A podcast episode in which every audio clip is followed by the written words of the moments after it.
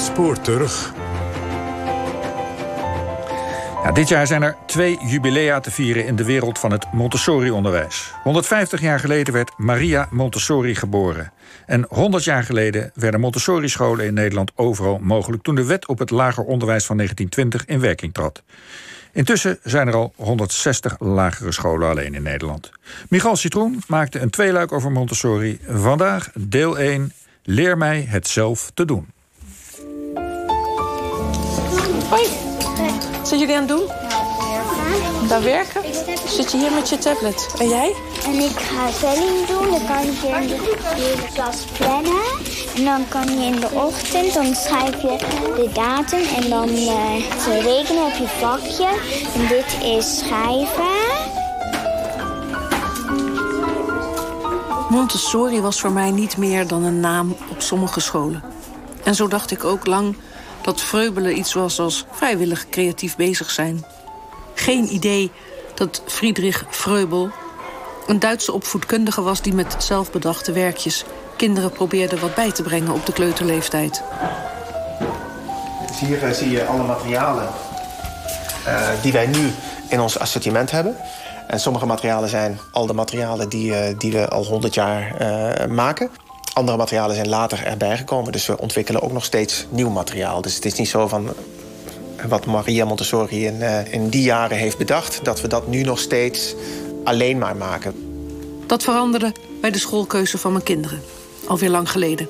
Toen heb ik me wel kort verdiept in de methode Montessori... maar het was ook dichtbij. Andere ouders waren heel tevreden. En de rust en ontspanning in het schoolgebouw. Leer het mezelf doen dat sprak me wel aan. Haar hele theorie is gebaseerd op het feit hoe mensen zich natuurlijk ontwikkelen. En als je uh, je systeem aanpast aan hoe een mens zich ontwikkelt... en alle instrumenten aanreikt om die ontwikkeling tot stand te brengen... dan hoef je niet mee te gaan naar weet ik veel wat. Je mag best een computer uh, gebruiken, bijvoorbeeld, als instrument. Maar het gedachtegoed is van je moet zorgen dat het kind zich kan ontwikkelen zoals die geboren is, zo maar zeggen. En intussen ben ik me veel meer bewust van de luxe van ons unieke schoolsysteem. En als je eraan gewend bent, dan realiseer je je niet meer dat scholing en omgang met kinderen ook heel anders was en nog steeds kan zijn.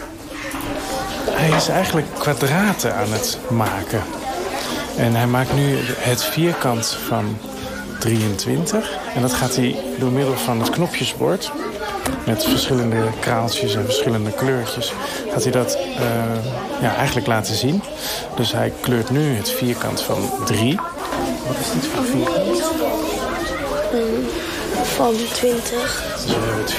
het is overigens wel heel prachtig materiaal. Hè? Die hele, dat hele ontwikkelingsmateriaal van Maria Montessori. Het gouden materiaal, dan krijg je het fichespel. Maar in het gouden materiaal heb ik nog echt... Uh, kan je nog echt tot tien tellen. En, en met die, uh, die fiches zijn allemaal even groot. Dus het is een volgende stap in de abstractie. En dan krijg je telraam, kleine telraam... waarin het, het gewoon aan elkaar zit.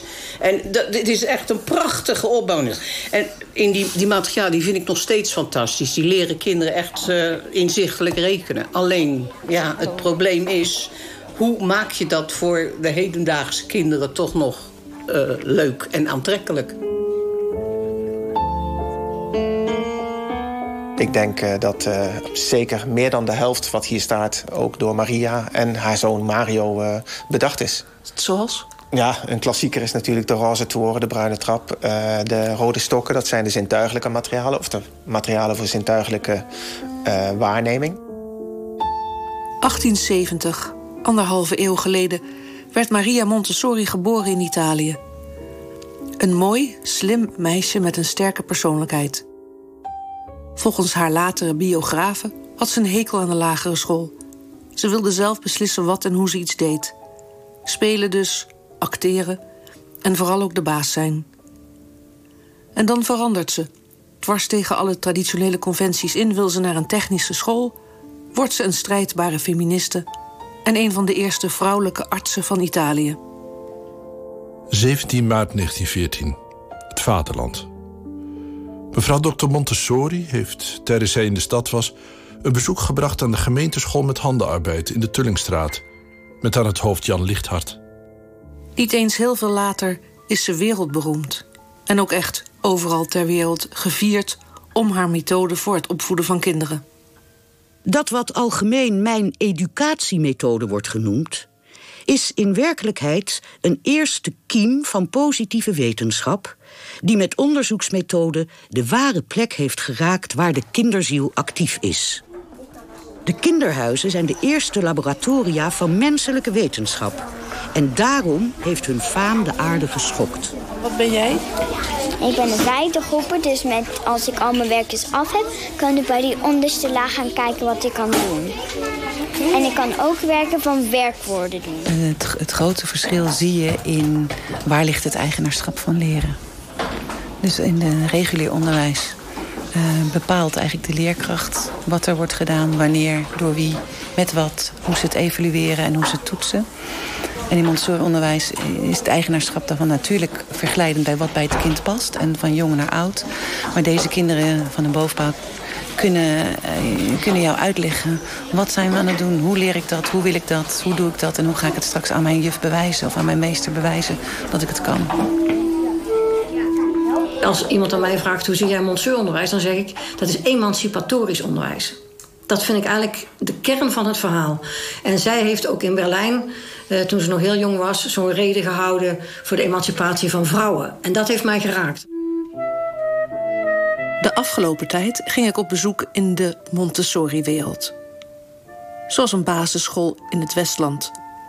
De showroom van de exclusieve wereldwijde maker van Montessori-materialen... en het Amsterdams herenhuis waar ze ooit woonde. Nu het hoofdkantoor van de internationale Montessori Association, de AMI. De toegewijde hoeders van het gedachtegoed. En dit jaar is er niet alleen een internationaal jubileum van 150 jaar Maria Montessori. In Nederland wordt ook een eeuw Montessori-onderwijs gevierd. 29 januari 1920. Hetenochtend heeft mevrouw Dr. Maria Montessori twee Haagse scholen bezocht in het gezelschap van dokter Pantenga, voorzitter van de Nederlandse Montessori-vereniging. De Italiaanse pedagoge begaf zich voor het eerst naar de particuliere school van mevrouw Prins Werker in de Van Hovenstraat. Deze dame is een der eerste geweest die zich door eigen aanschouwing te Rome heeft vertrouwd gemaakt met de bedoelingen van de beroemde opvoedkundige. Ten slotte ontving de minister van Onderwijs, Kunsten en Wetenschappen haar in een particuliere audiëntie. Ze was hier omdat ze regelmatig wel in uh, Nederland uh, kwam... en wilde kijken hoe dat wij hier uh, Montessori vorm hadden gegeven. Ja, dus eigenlijk vanaf 1914 en in 1917 is het teruggekomen... en toen is de Nederlandse Montessori-vereniging opgericht. En pedagoog, onderzoeker en Montessori-opleider Els Matthijssen... kent die geschiedenis goed. Nou, ik denk dat het Nederlandse onderwijs altijd wel mensen heeft gehad die over de horizon keken. Want je hebt natuurlijk ook te maken gehad met Vreubel, we hebben te maken gehad met Decroly. Uh, ja, het zit een beetje in onze aard, denk ik, om uh, niet alleen maar naar binnen te kijken, maar ook eens te kijken van wat is er nog meer op de, op de markt uh, te koop. Ja, ze heeft waarschijnlijk ook net de goede mensen getroffen die daarin geïnteresseerd zijn geweest. En die hebben dat verder opgepakt. 10 september 1919, Delftse krant. De Nederlandse Montessori-vereniging heeft te Schravenhagen haar tweede algemene vergadering gehouden. Het verslag van de secretaresse getuigde van een opgewekt verenigingsleven. Tal van nieuwe afdelingen waren opgericht en meerdere zullen spoedig volgen. Tevens werd besloten een gemeentelijke bewaarsschoollokaliteit in te richten voor het geven van Montessori-onderwijs. Ook wordt opdracht gegeven voor een vergelijkende studie tussen Freubel en Montessori en wordt besloten brochures te laten samenstellen ter bereiking van de volksmoeder. In Amsterdam sprak ik met mijn gids in Montessori-land, Joke Verheul van de AMI, en Carolien Montessori, een heus achterkleinkind. Het was natuurlijk ook een, een, een stroming. Een stroming ja. hoor. Maar het paste in het plaatje van de verheffing van natuurlijk de, ja, de onderklasse. Ja. En dat was natuurlijk hygiëne, sociale hygiëne, ja. geestelijke hygiëne. En natuurlijk onderwijshygiëne ja. in de zin van hoe leer je? Ja. Haar eerste buitenlandse reis was toch naar Amerika uh, in 1913. Die Amerikanen zouden hier zonder die cursus alleen maar komen kijken. En als je kijkt en ook het boek hebt, begrijp je er genoeg van om het te kunnen toepassen. Dus dan zouden diezelfde mensen ook kinderhuizen kunnen beginnen. Maar zonder iets aan ons te geven, zonder van ons afhankelijk te zijn.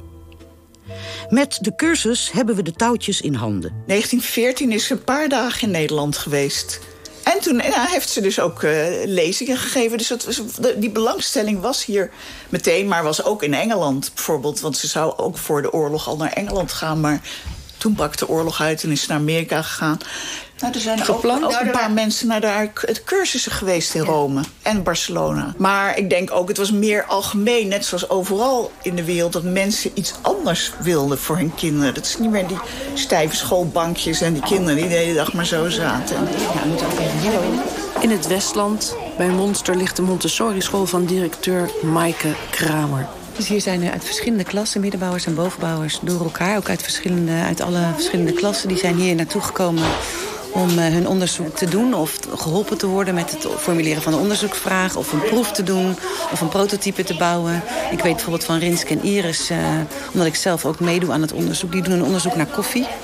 We doen een koffieonderzoek en uh, we laten leraren uiteindelijk verschillende koffies proeven... En dan, ze hebben ook een formulier en die gaan ze dan invullen. En dan zeggen ze wat voor smaak het is, wat voor geur. En dat zijn we hier eigenlijk aan het malen. We hebben ook een paar uh, groene bonen ook zelf gebrand. En dat vonden we ook echt heel leuk om te doen. Marjan Schwegman, hooggeleerd in cultuur en politiek en vrouwengeschiedenis schreef zo'n 30 jaar geleden haar bijzondere biografie over Maria Montessori. Kind van haar tijd en vrouw van de wereld.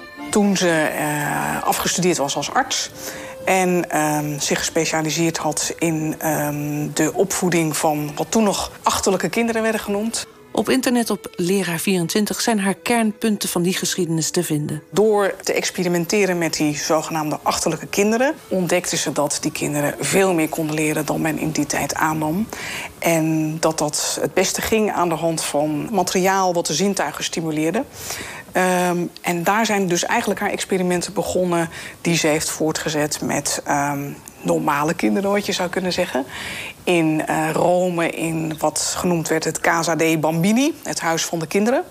En daar heeft ze eigenlijk voor het eerst de ideeën die ze langzamerhand tijdens haar studie heeft ontwikkeld, in praktijk kunnen brengen door die kinderen te laten experimenteren met materiaal wat zij in de loop van de tijd had ontworpen. Maar um, een van haar bewonderaars, een rijke man met een prachtige villa in de buurt van Rome, zei tegen haar: Jij moet dat opschrijven in een boek en dat kun je doen bij ons in die prachtige villa. Dat deed ze. Zij trok zich daar terug in Città di Castello in Umbria.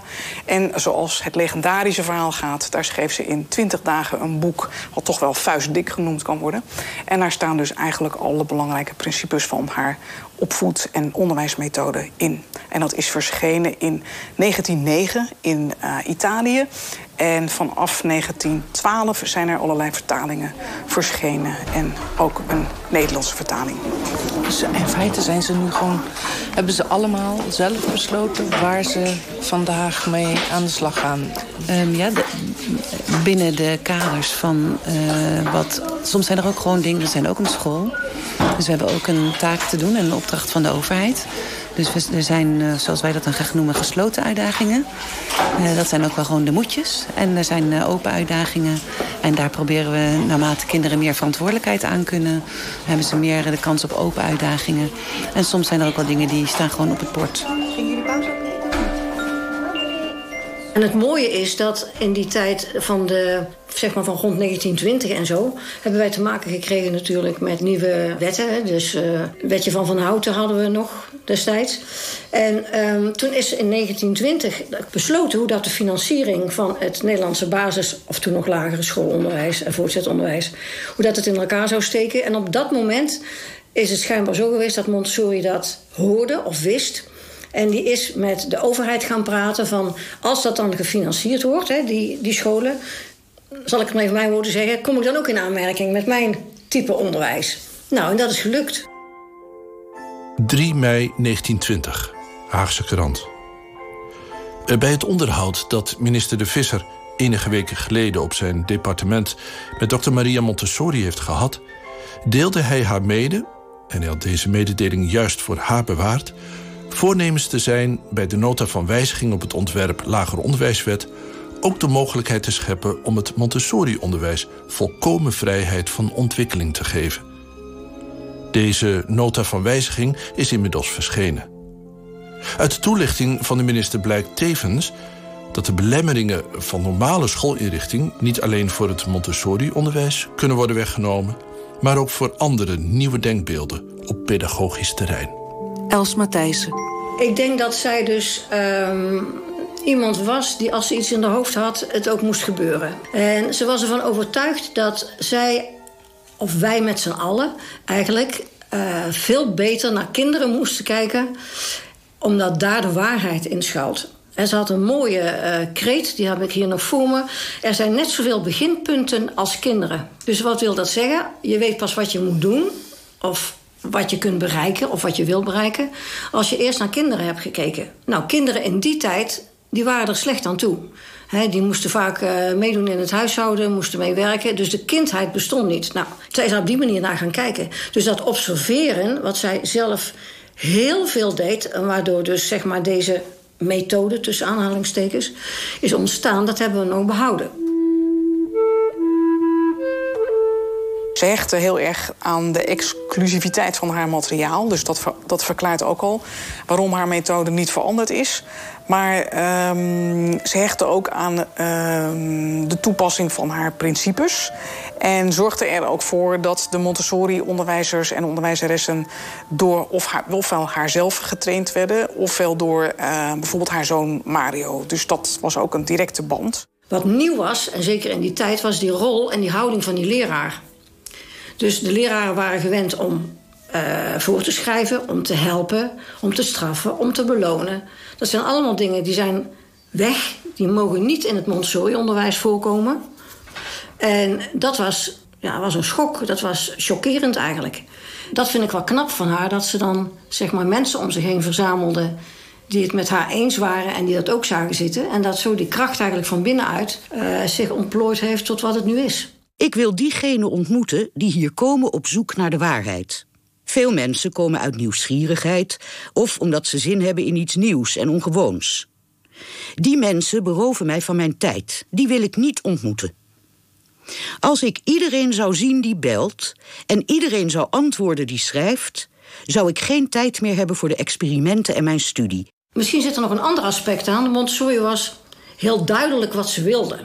Het was niet doe maar zoals je denkt dat je het moet doen. Ze was daar heel streng in. Het was haar methode. Je moest het doen zoals zij het wilde. Ik heb van iemand begrepen die uh, uh, haar oma in de cursus zat bij Montessori in de opleiding, want die heeft ze hier zelf ook gestart, hè, die opleiding.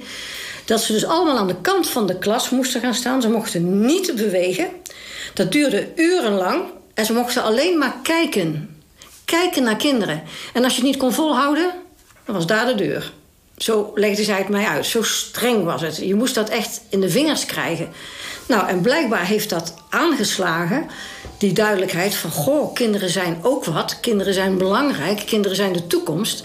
En dat geluk heeft ze, denk ik, op dat moment gehad. Polak en Wieboud. Dat was wel heel interessant. Joke Verheul. Die hebben 200 scholen laten bouwen in Amsterdam. Dat was niet gering. Wethouders, hè? Ja, de twee wethouders, twee SDAP-wethouders hier in Amsterdam. En blijkbaar was, was er ook veel leegloop van oude scholen... omdat er nieuw, veel nieuwbouw werd gepleegd. Daar moesten nieuwe scholen komen. In elk buurtje moest ook een Montessori-school komen... maar wat ik dus las en wat ik wel verrassend vond... is dat Montessori-onderwijs eigenlijk ook als breekijzer werd gebruikt om het openbaar onderwijs een beetje te dwingen, te vernieuwen. Zowel uh, Wieboud als, als Polak hadden echtgenotes die zeer in het onderwijs actief uh, waren en uh, heel erg geïnteresseerd waren in Montessori.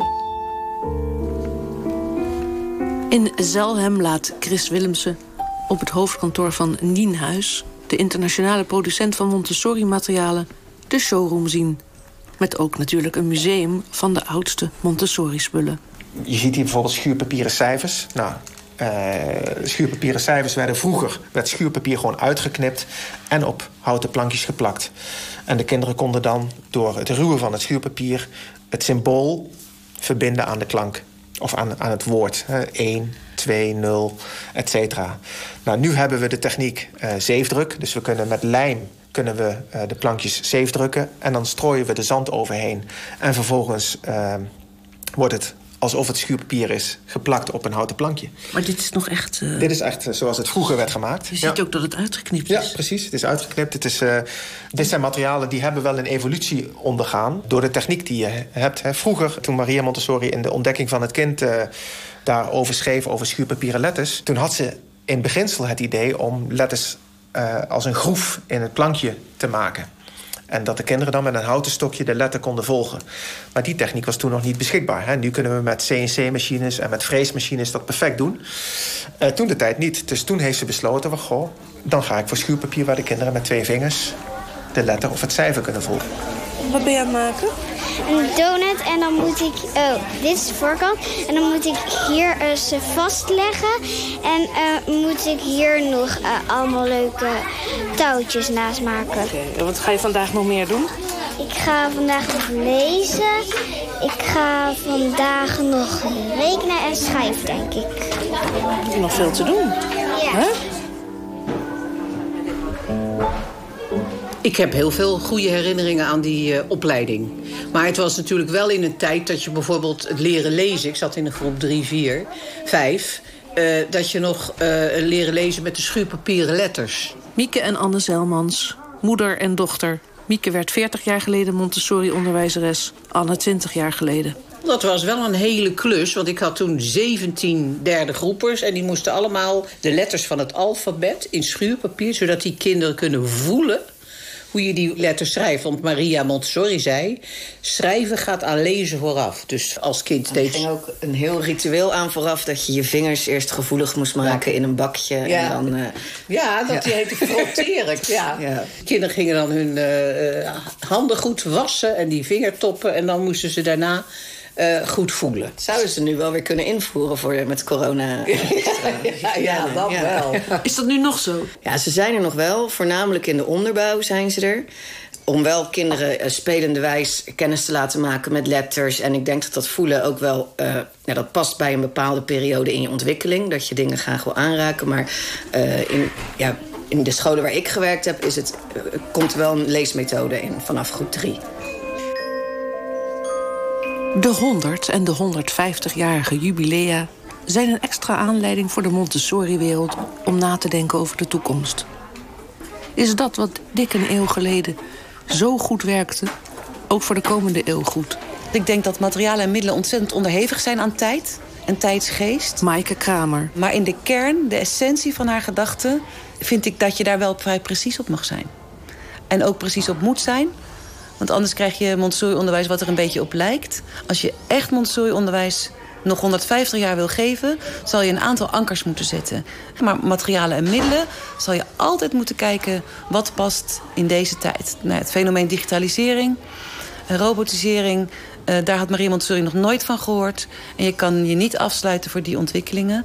Dus, dus die zijn onderhevig aan de tijdsgeest. Binnen Montessori zijn er de rekkelijke en de precieze. Ze schrijft zelfs in boeken van uh, alleen maar zo en geen nieuwe dingen erbij. Alleen maar zo en het liefst nog door haarzelf opgeleid. Maar ja, op een gegeven moment overlijd je, dus dat kan dan niet meer. Els Matthijssen. En dat speelt nog steeds wel een beetje. Dat we goed moeten nadenken, wanneer is nou een Montessori-school nog Montessori?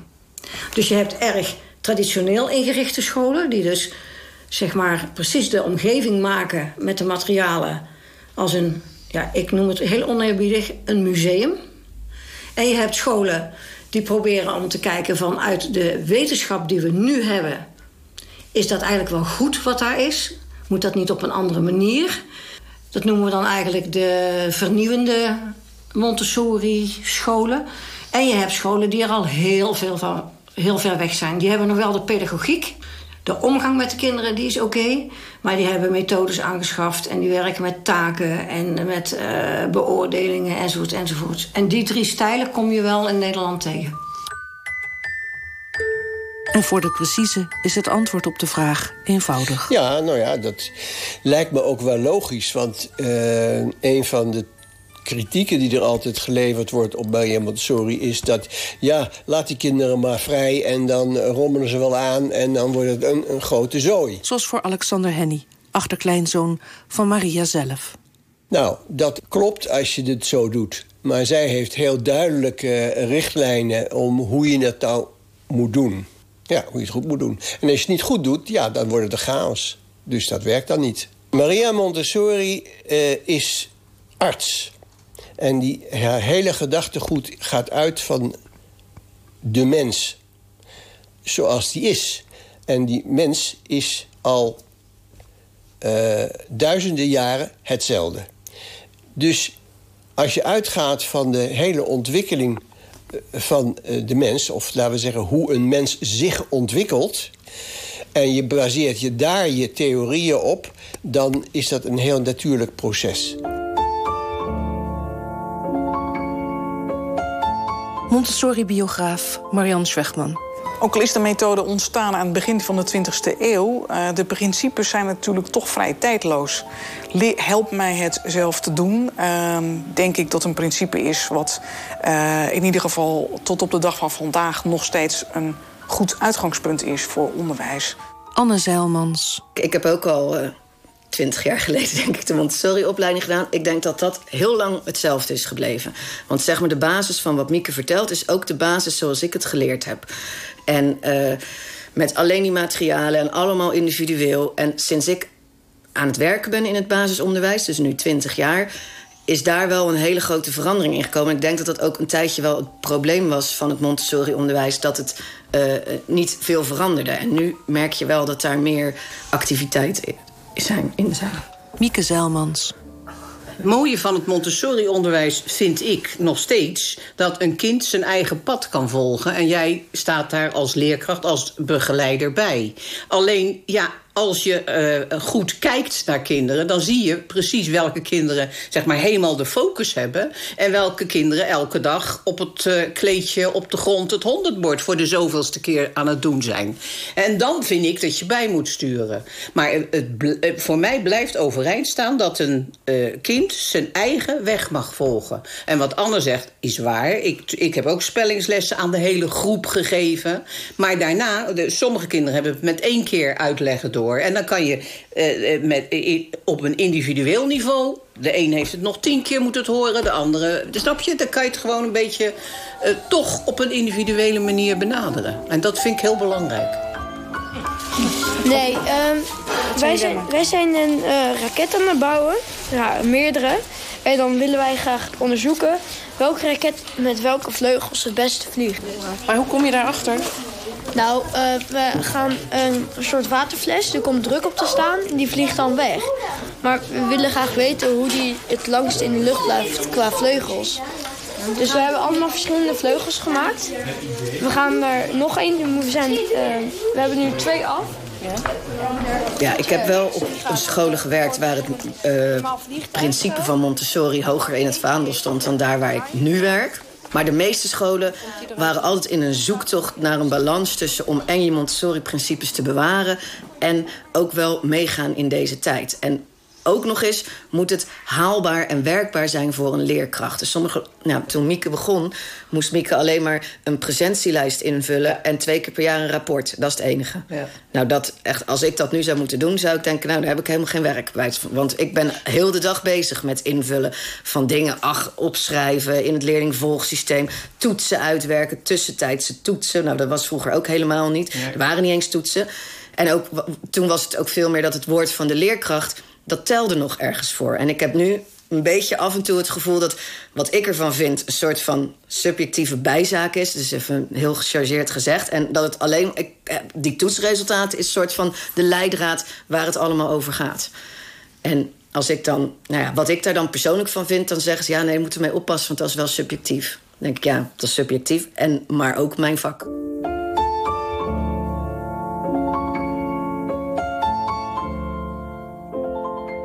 De geschiedenis maakte dus dat Montessori in Nederland al een eeuw uniek is geïntegreerd in ons onderwijssysteem.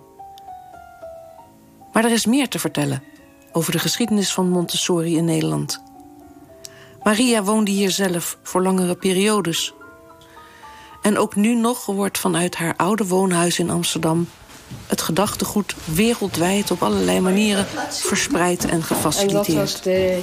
Ja, er stond zo in het midden die tafel. Die stond inderdaad in het midden nog ja. de, oude uh, eetkamertafel, eetkamerstoelen. Door onder andere de Montessori-nazaten die hier hebben wortel geschoten. Ze waakt over jullie. Ja, ze waakt over ons. Met een enorme foto vanaf... Uh... Ja, het is fotobehang. Nou zit ik zeg maar recht tegenover haar. Ik moet wel zeggen, het eerste jaar... Joke Verheul. Voelde ik me behoorlijk ongemakkelijk dat ze steeds maar, maar mensen die hier komen, die vinden dat natuurlijk... Die vinden het geweldig. Want het, het is wel haar persoon ook, hè? Mhm. Het is niet alleen maar een soort gedachtegoed meer. Het is... Uh... Nou, het punt is natuurlijk, als je zo lang... Dat heb je wel gemerkt waarschijnlijk in je gesprek. Dat als je zo lang bezig bent met Montessori-onderwijs... Het, gaat, het wordt deel van je.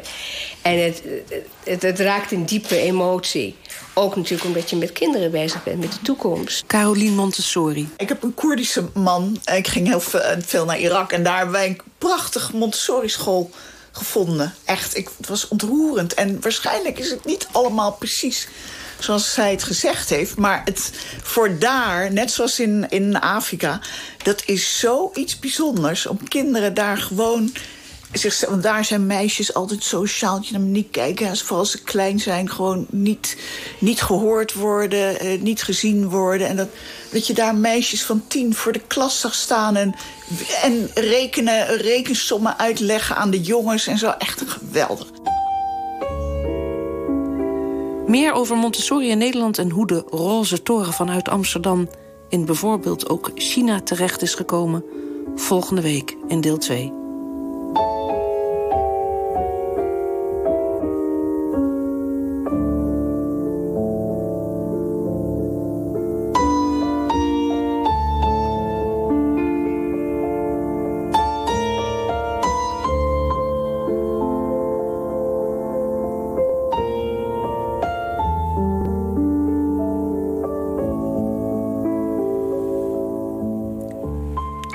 Dit was het eerste deel van een tweeluik over Montessori van Michal Citroen, gemonteerd met Berry Kamer. Volgende week in deel 2 gaat het over de internationale verspreiding van het Montessori-onderwijs vanuit Amsterdam.